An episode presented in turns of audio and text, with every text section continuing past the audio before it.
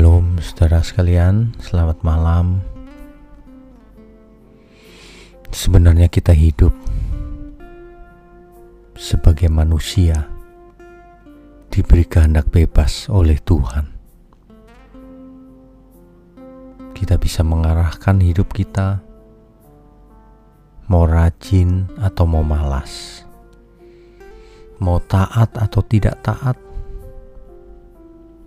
mau takut Tuhan atau tidak takut Tuhan, mau belajar kebenaran firman dengan sungguh-sungguh atau tidak. Semuanya ini tidak ditentukan Tuhan, tetapi kitalah yang harus mengambil langkah keputusan yang benar. Sebab nanti kita juga yang akan dihakimi oleh Tuhan jadi kita mempunyai kesempatan untuk meresponi anugerah yang Tuhan berikan kepada kita semua. Itulah sebabnya setiap kita nanti dimintai pertanggungjawaban. Itulah sebabnya setiap kita nanti dihakimi menurut perbuatan kita. Itulah sebabnya ada proses penghakiman. Karena manusia membuat keputusannya sendiri tanpa ada pengaruh dari luar atau yang memaksa dari luar atau yang menyetir dari luar, yang mengontrol. Manusialah yang harus mengontrol dirinya sendiri dengan pertolongan Roh Kudus. Bukan Roh Kudus mengambil alih kesadaran manusia, lalu Tuhan yang menentukan bagaimana seseorang hidup.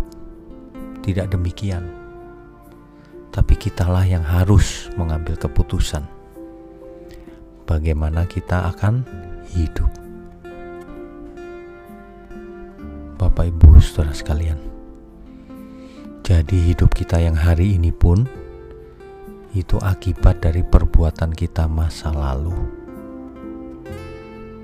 Nanti kekekalan nasib kekal kita pun adalah akibat dari keputusan-keputusan yang kita buat hari ini ke depan.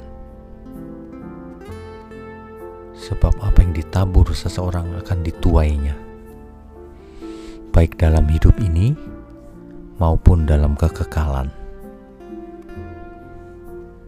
Jadi, saudara, perhatikan bagaimana kita hidup.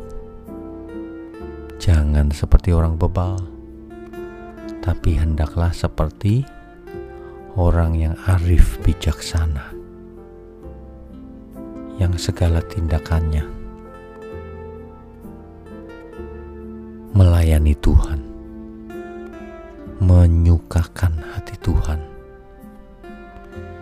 Yang setiap apa yang kita lakukan menjadi berkat bagi sesama kita. Dan itulah yang menyenangkan Tuhan. Demikian kebenaran malam ini. Selamat beristirahat, saudara sekalian. Tuhan Yesus memberkati kita. Amin.